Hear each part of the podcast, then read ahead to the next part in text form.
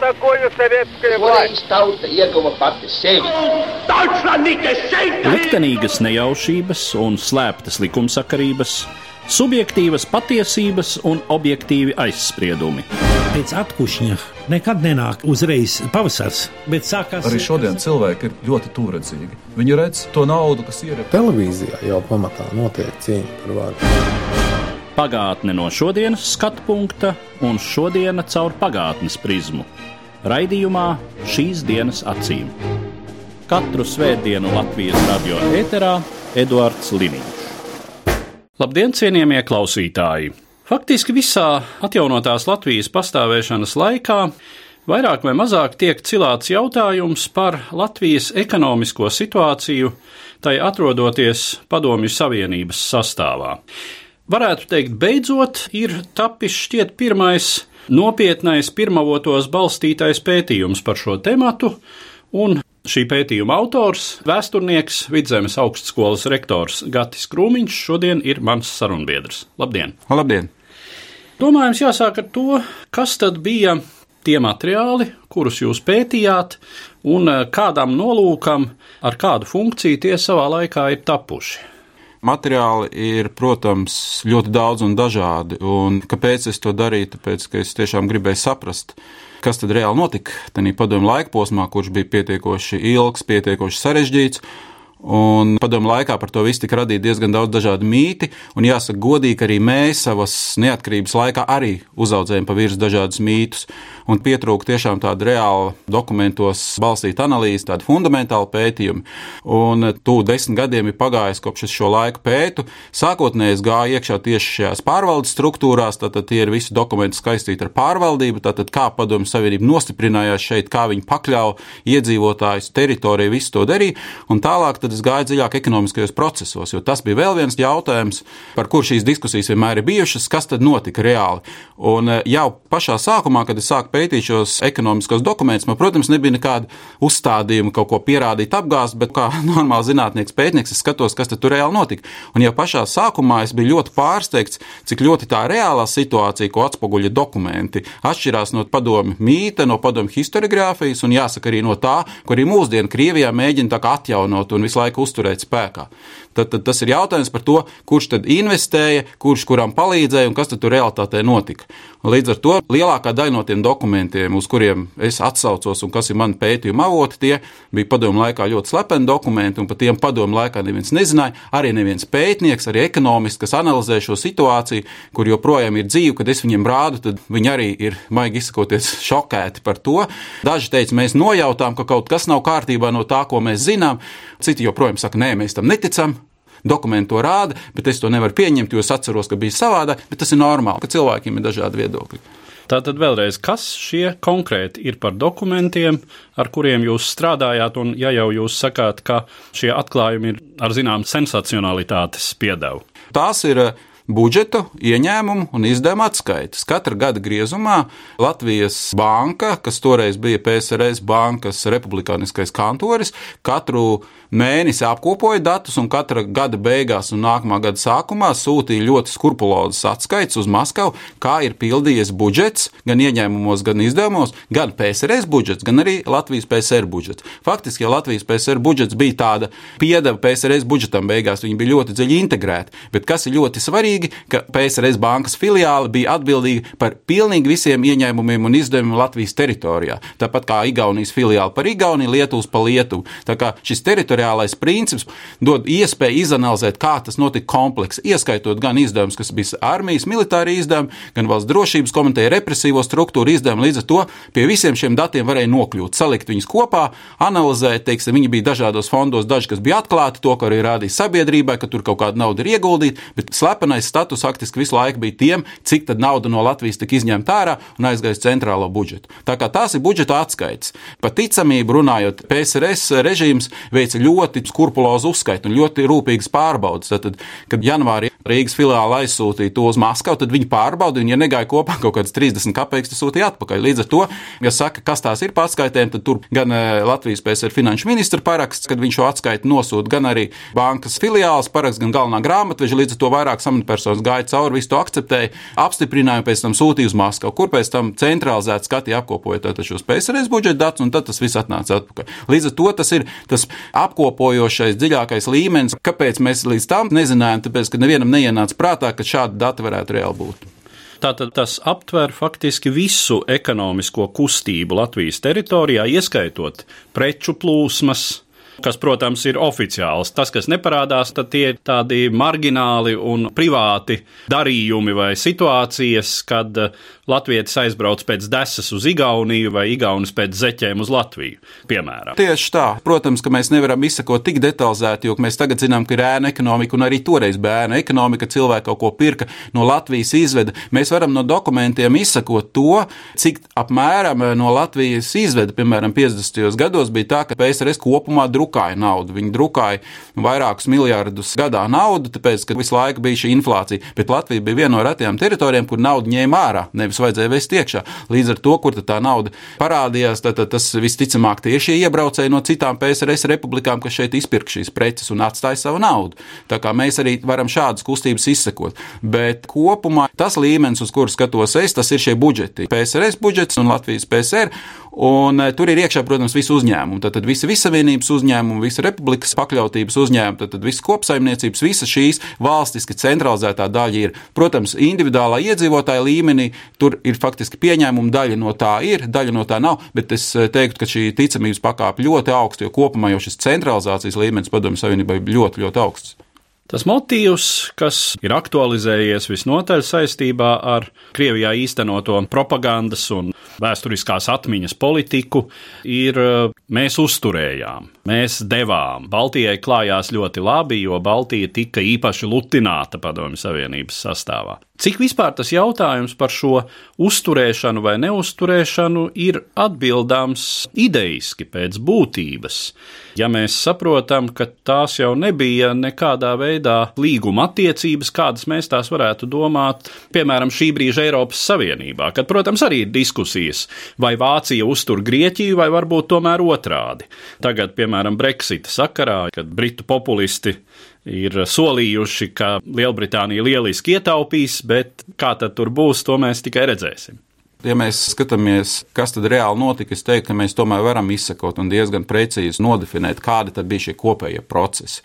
Jo pirmā lieta, kas ir jāatcerās, tas, ka tad, kad mēs nonācām Padomju Savienībā 40. gadā, Gan runājot par Latviju, arī Igauniju, šis kopējais līmenis bija stipri vien augstāks. Dzīves kvalitātes līmenis iedzīvotājiem, ko viņš varēja par savu algu atļauties, arī rūpniecība, lauksaimniecība. Mēs bijām krietni attīstītāka valsts. Līdz ar to jau skatoties no šīm izējas pozīcijām, ar savu ķegumu, ar savu rūpniecību, VF minoks, teiksim, ļoti, ļoti daudz piemēru, mašīnas, lidmašīnas, ko mēs ražojām. Līdz ar to mēs jau bijām ļoti spēcīgās izējas pozīcijās. Šobrīd, un tie, kas runā nu, no mūsdienu Krievijas pozīcijā, vairs neviens nesaka, ka mēs tur brīvprātīgi pievienojamies vienojāmies, ka tā bija sociālistiska revolūcija un nezinu kas, un brīvas vēlēšanas, kur visi pēkšņi nobalsoja.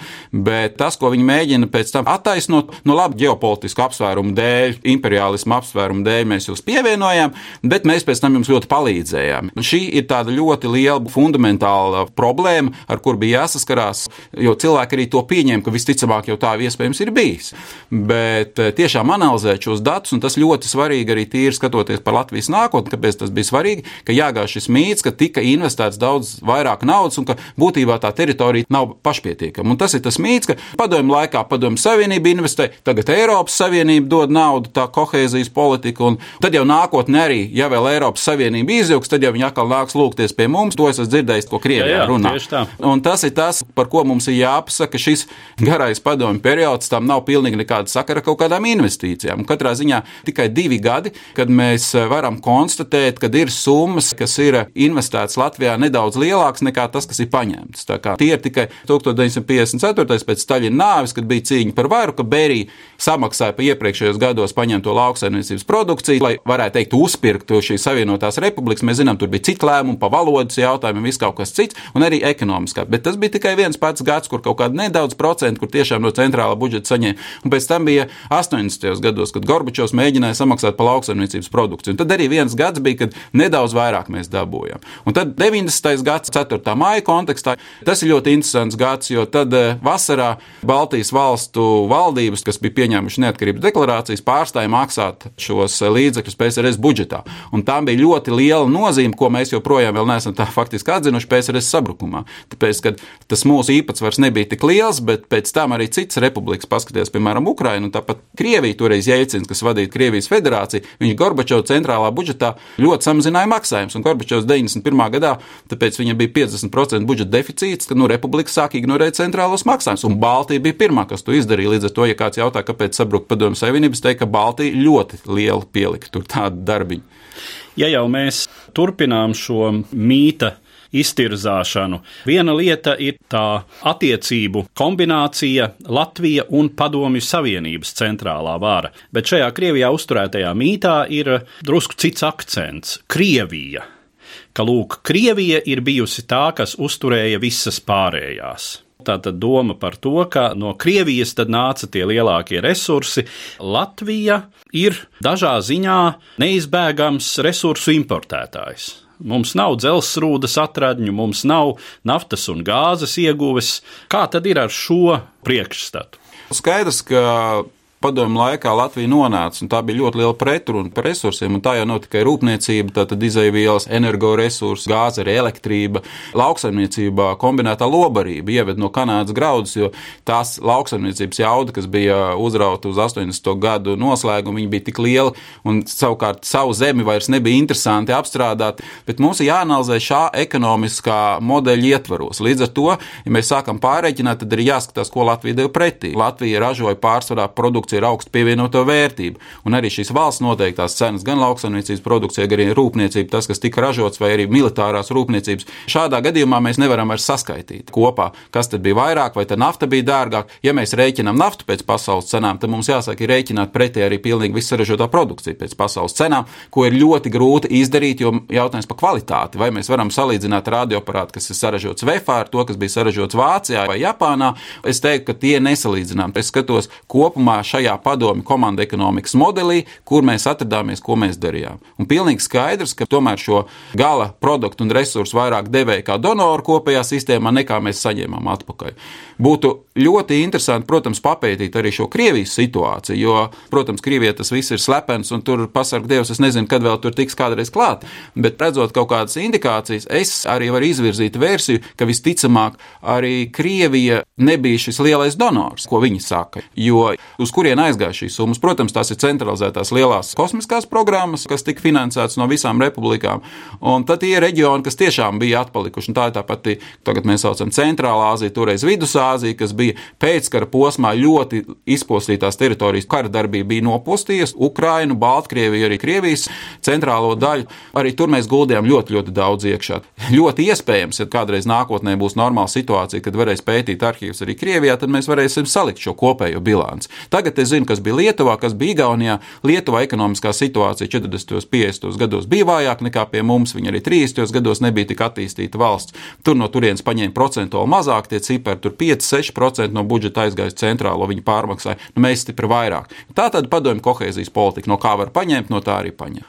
Un tie arī tie jautājumi atbildes. Piemēram, cilvēki saka, jā, bet vai tiešām mums taču stāstīja, ka te būvēja 40, 50 gados? Saka, jā, bet kolhozos. Lielākā daļa no kolhozos, kur gadiem cilvēku algu nesaņēma. Iedod graudu maisiņu, iedod kartupeļu maisiņu, tā ir gada alga cilvēkam. Loģiski, ka kur tai naudai bija jāpaliek, jo liela daļa visu agrāro sektoru nolika uz tādu bezmaksas, ka viņi vienkārši nāca un strādāja. Viņiem atļauj turēt vienu gotiņu mājās, lai viņi nemirst badā. Nu, drausmīga situācija. Un to liekot kopā ar to kopējo situāciju, tās atbildes jau rodās. Tas pats 60, 70 gadi 80. Nu, neviens jau nevar noliekt, ka te sabūvēja rūpnīcas daudz. Ja mēs paskatāmies pēc ražošanas apjomiem, ko tad te saražoja, cik rādio, ko mēs varam teikt, jā, ar Skandināvijas, tur rietumē Eiropas valstīm diezgan tuvu.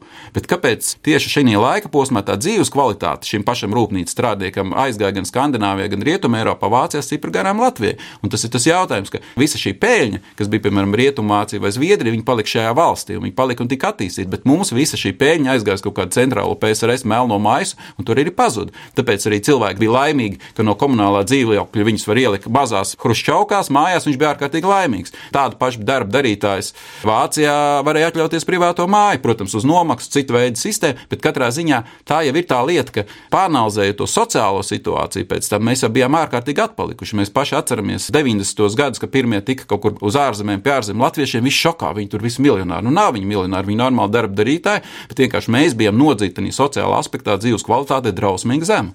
Populārajās publikācijās tiek runāts par ekonomikas koproduktu, par nacionālo ienākumu uz vienu iedzīvotāju un tā tālāk, un salīdzināti padomju savienības rādītāji parasti tās pastāvēšanas beigās ar kaut kādiem rādītājiem rietumos. Vai tas vispār ir salīdzināms? Es teiktu, ka ļoti minimāli, tāpēc ka tiešām šī produkcijas kvalitāte, šis patēriņa tirgus, reālās cenas, melnais tirgus uzplauk. Ja īpaši mēs runājam tiešām sabrukšanas priekšvēsturē, tad jau nauda bija sadrukāta ļoti daudz. Līdz ar to, kaut ko mēs varam nedaudz paskatīties, bet tiešā veidā salīdzināms. Es varu teikt, ka mēs varam kaut kādos procentos salikt, piemēram, arī Latvijā, tāpēc es cenšos izvairīties minēt kaut kādas summas rubļos. Jo kā mēs varam tos eh, rubļus konvertēt? Ja tas ir vienkārši cilvēks, tad viņam nav nekāda specveikala, viņš var aiziet uz melno tirgu un kaut ko nopirkt. Bet, ja tas ir nomenklatūras pārstāvs, tad viņam šī rubļu vērtība vairākas reizes lielāka. Viņš aiziet uz spēcveikalu, nopērk apelsīnus, mandarīnus. Līdz ar to tāda sabiedrības segregācija bija notikusi.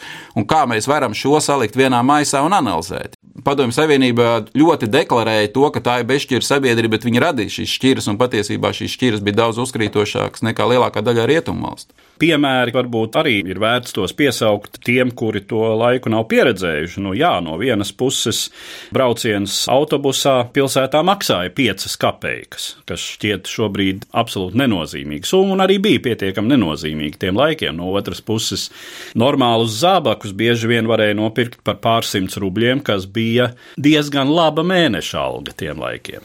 Tieši tā, padomju modelis jau visu laiku neatrisināja divas fundamentālas problēmas. Tas ir normāls iedzīvotāju nodrošinājums ar pārtiku Protams, badā nemir, ja teiksim, mēs runājam jau sākot no kaut kādiem 50 gadiem, 60, tad jau vairāk mazāk situācija sakārtot, tik daudz, ka badā nemir, bet piedāvājums ļoti mazs patiesībā, un tas pats arī plašs patēriņa preces. Tā bija viena no šīm lielajām šī padomju modeļu pretrunām, kas parādījās jau no paša sākuma, ka šie uzņēmumi, viņiem nebija šī motivācija ražot plašu patēriņa preces, viņiem nebija konkurence. Ja mēs tā paskatāmies, paiet nedaudz atpakaļ, tad šis padomju modelis, ļoti deklarēja, ka viņš ir fundamentāli atšķirīgs no brīvā tirgus. Bet, ja mēs pāranalizējam, tad eh, patiesībā nauda palika, dažādas cenas palika, algas dažādas palika, nevienlīdzība saglabājās. Tikai jautājums, ka valsts paņēma ļoti, ļoti stingru kontroli. Un ko valsts izdarīja? Valsts izņēma patiesībā ārā dažādu uzņēmumu savstarpēju konkurenci, un tā vietā 20. un 30. gados piedāvāja represijas. Staļina laikā bija, ja tu kaut ko neizdarīji, tad tev vienkārši iedeva 25 gadus un aizsūtīja uz Sibīriju. Līdz ar to tev bija bail, ka tev sodīs, tāpēc tu gāji darbu, to darīji. Un tas pats arī kolekcijas priekšsēdētājs, ja tev sapu šķūnītī gaļa, tad tu varēji dabūt desmit gadus. Bet tur nebija tā, ka tev uzņēmums bankrotē. Šo problēmu Padomju Savienība tā arī līdz galam nespēja atrisināt. Vēl viena ļoti interesanta lieta, ka viņi visu laiku deklarēja to, ka valsts sektors, valsts sektors, tādā pašā laikā, tādā slepenajā sarakstā var redzēt, ka ir pieņemti lēmumi, piemēram, partijas kongresā pasaka, tagad mēs kolhozu vairāk koncentrēsim ražošanu pie sevis, ierobežosim tos privātos, tad savukārt uzreiz nākamā dienā slepens lēmums, pilnīgi slepens statusu, piešķiram vairāk graudus un kombinēto lobarību privātajiem. Līdz ar to muļķi viņi nebija, bet viņi vienkārši nevarēja atkāpties no šiem saviem nu, uzstādījumiem. Nu, kā tu pateiksi, ka kolektivizācija tomēr nestrādā, ka mums tomēr jāreformē lauksaimniecība? Tas viens no padomju postulātiem. Tad uzreiz jautājums, ko tad jūs darījāt pirms tam 50 gadus? Tā ir vēl viena interesanta lieta, ka paskatoties šos kompartijas līderus, kas vadīja gan PSRS, gan arī Latvijas līmenī no 80 gadiem, viņi diezgan labi saprata šīs vājās puses un tās slepus centās kaut kādus tirgus ekonomikas elementus ik pa laikam iepludināt.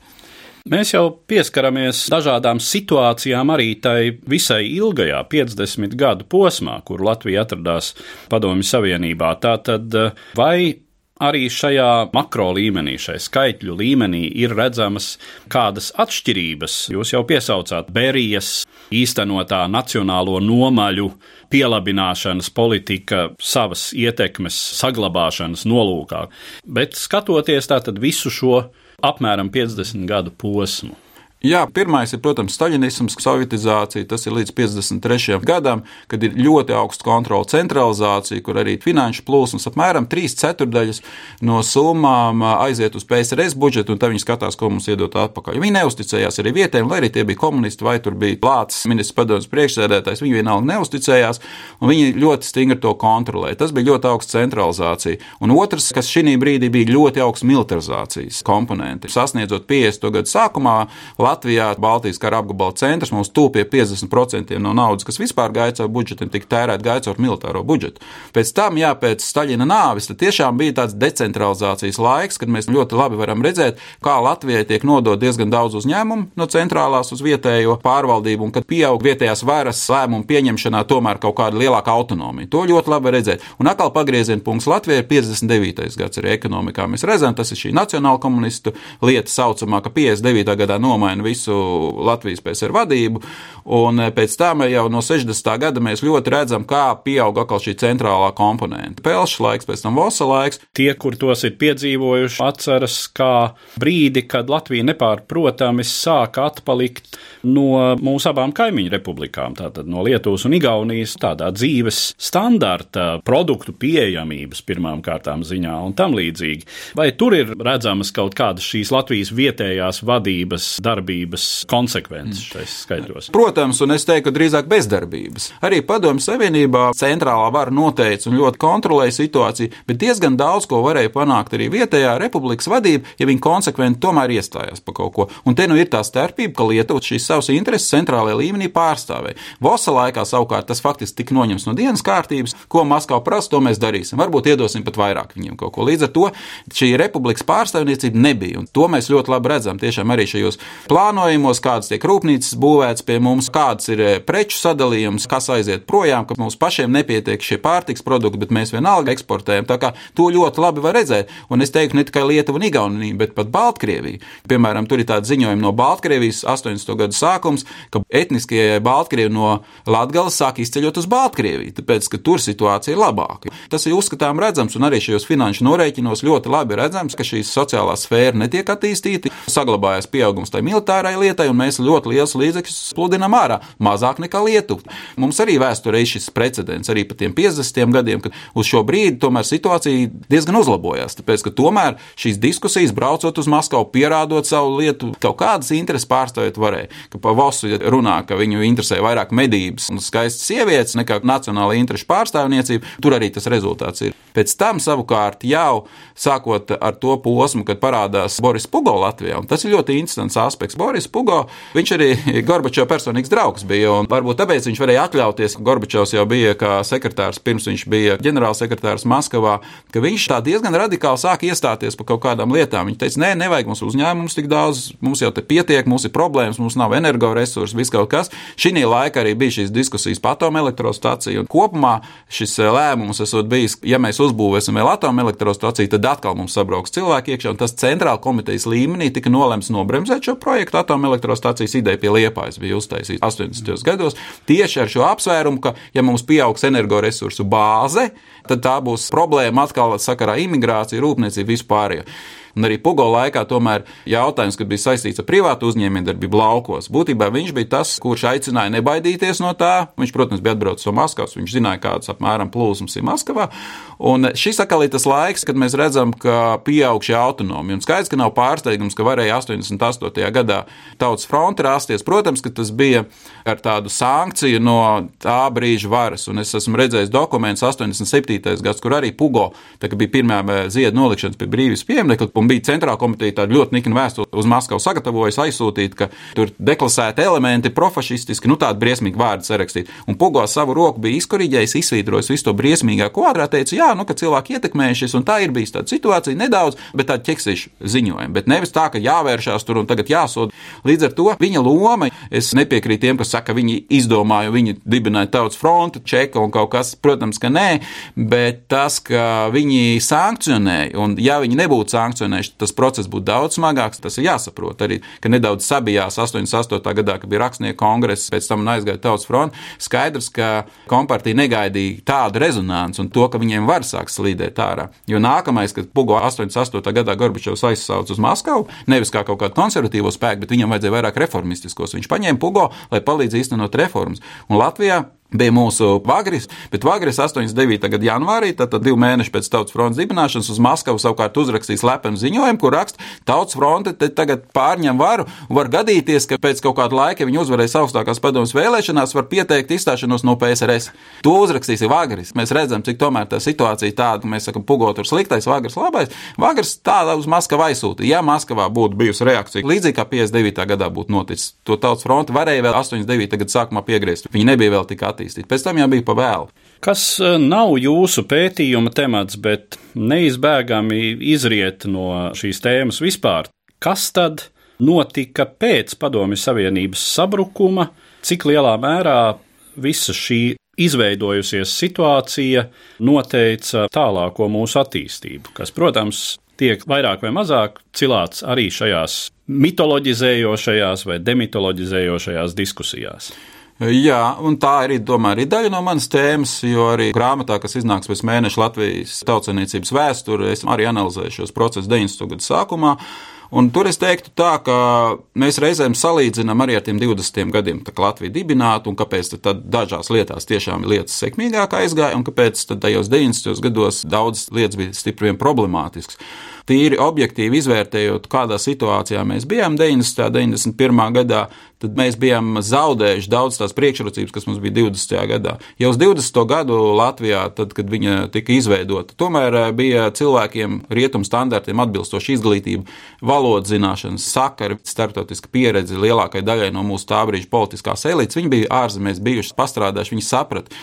Pie mums 90. gadā jāsaka, ir liela daļa pat nezināja to pašu angļu valodu. Krievu valoda bija ilgstoši bijusi šī saziņas valoda, līdz ar to cilvēki nespēja komunicēt. Viens piemērs kaut vai 90. gadā jau pēc 4. māja tika likums eh, izstrādāts par rūpniecības uzņēmumu. Tad Latvijas Republikas augstākā padomē jāpieņem, bet likumu izstrādā vispirms Krievu valodā un tikai pēc tam tulko latviešu. Tāpēc, ka nav kas uzraksta likumu ar terminoloģiju latviešu, un kur vēl angļu valodā es skatos arī 90. 91. gads, tāpat Rūpniecības komisija, kādas viņi pasūta visus preses izdevumus. Tikai visi no PSRS, no Krievijas, neviens no rietumiem nav. Līdz ar to, lai arī bija liels rūpnīcas, infrastruktūra, kaut kāds potenciāls, bet nebija jau īsti cilvēki, kas ir spējīgi ielikt šī rietumu sabiedrībā, rietumu tirgu izpratni par to, kas ir brīvais tirgus. Tāpēc arī 90. gada sākums visi prasa dotācijas, dotācijas, kaut kur kaut ko mēģina, nu, teiksim, šis padomju modelis, bet neizvērtē šo konkurētspēju. Tā kā sabiedrības grupa, kas bija labi informēta, tā bijušie valsts drošības komitejas darbinieki, jo kopš 80. gadu vidus, tā kā Gorbačova laikā tika pieļauts šie kopuzņēmumi, pilnīgi visi kopuzņēmumu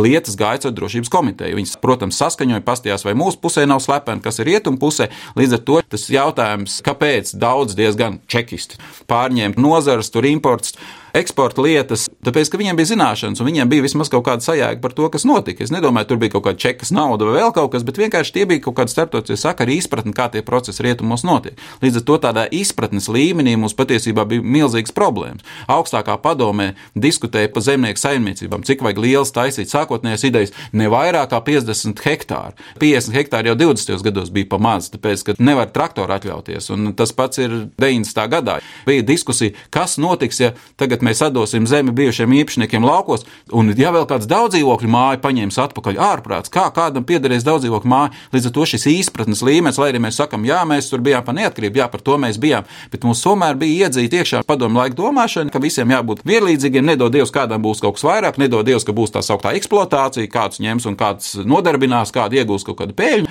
Ārkārtīgi smaga situācija, un es teiktu tā, ka visticamāk pēc gadiem 50, kad rakstīs nākamo ekonomikas vēsturi, nākamā paudze, tad viņi teiks, ka tas ir viens no pasaules brīnumiem, ka 14 gadus pēc 4. māja mēs bijām Eiropas Savienībā un NATO. Ļoti īsā laikā, protams, ar smagām transformācijām, bet ļoti īsā laikā. Jautājums, kas arī tiek piesaukts pastāvīgi, kāds tad ir Latvijas pētnieku mērķis veicot šādus pētījumus, un uh, tur vienmēr uzpeld tas, ka mums ir doma par kaut kādām iespējamām kompensācijām no Krievijas. Kā mēs šo varam komentēt? Mm. Tas, ko es daru kā pētnieks, man ir svarīgi, lai sabiedrība saprot šos procesus. Es domāju, ka kompensācija jautājums ir absolūti otršķirīgs. Ja kādreiz Krievija pati pieteiksies un kaut kādā izlīguma veidā, tas varētu būt jautājums, bet atkal tiešām paskatoties tādā filozofiskā līmenī, es teiktu, ka nevienmēr kaut kāds liels naudas dabūšana varētu palīdzēt mūsu tautsemniecībai. Mēs jau tie kolēģiem smējāmies, tad pusi nozakt, puse pazust, un beigās atkal izsist to pamatu, ka mēs kaut kā sākam domāt, kā mēs paši kļūstam produktīvāki, konkurētspējīgāki. Tas ir vajadzīgs vairāk mums pašiem, mūsu sabiedrībai, un kas vēl ir vajadzīgs, ka mums ir jāskaidro šo situāciju ļoti aktīvi caur vēstniecībām. To var saukt par mūsu Baltijas valsts strateģisko komunikāciju, lai mēs tomēr lielu daļu no Krievijas esošās sabiedrības pārliecinātu un izstāstītu šo taisnību par to, kāda tā situācija bija, kā mēs jutāmies un kāpēc mēs rīkojamies šobrīd tā, kā mēs rīkojamies. Kāpēc mēs negribam atpakaļ padomju savienību? Tāpēc, ka visos laikos un arī pirms tam Krievijas impērijā, mēs esam bijuši centrālas varas donori. Tā kā es domāju, ka tas ir vairāk šis skaidrošais aspekts, un mums jābūt šiem pētījumiem, uz kuru pamatu mēs varam teikt, nē, mīļie draugi, jums nav taisnība. Ir pētījumos balstīti rezultāti, tā ir mūsu vēsture. Mēs nevis pārrakstam vēsturi, bet mēs vienkārši ieviešam šīs korekcijas, balstoties uz faktiem, nevis uz kaut kādiem vēstures mītiem. Ar tādiem secinājumiem tad es arī gribētu noslēgt mūsu šodienas sarunu un saku paldies manam sarunbiedram, vēsturniekam, Vidzemes augstskolas rektoram Gatim Krūmiņam. Paldies! Katru svētdienu Latvijas radio viens par pagātni sarunājas Eduards Liniņš.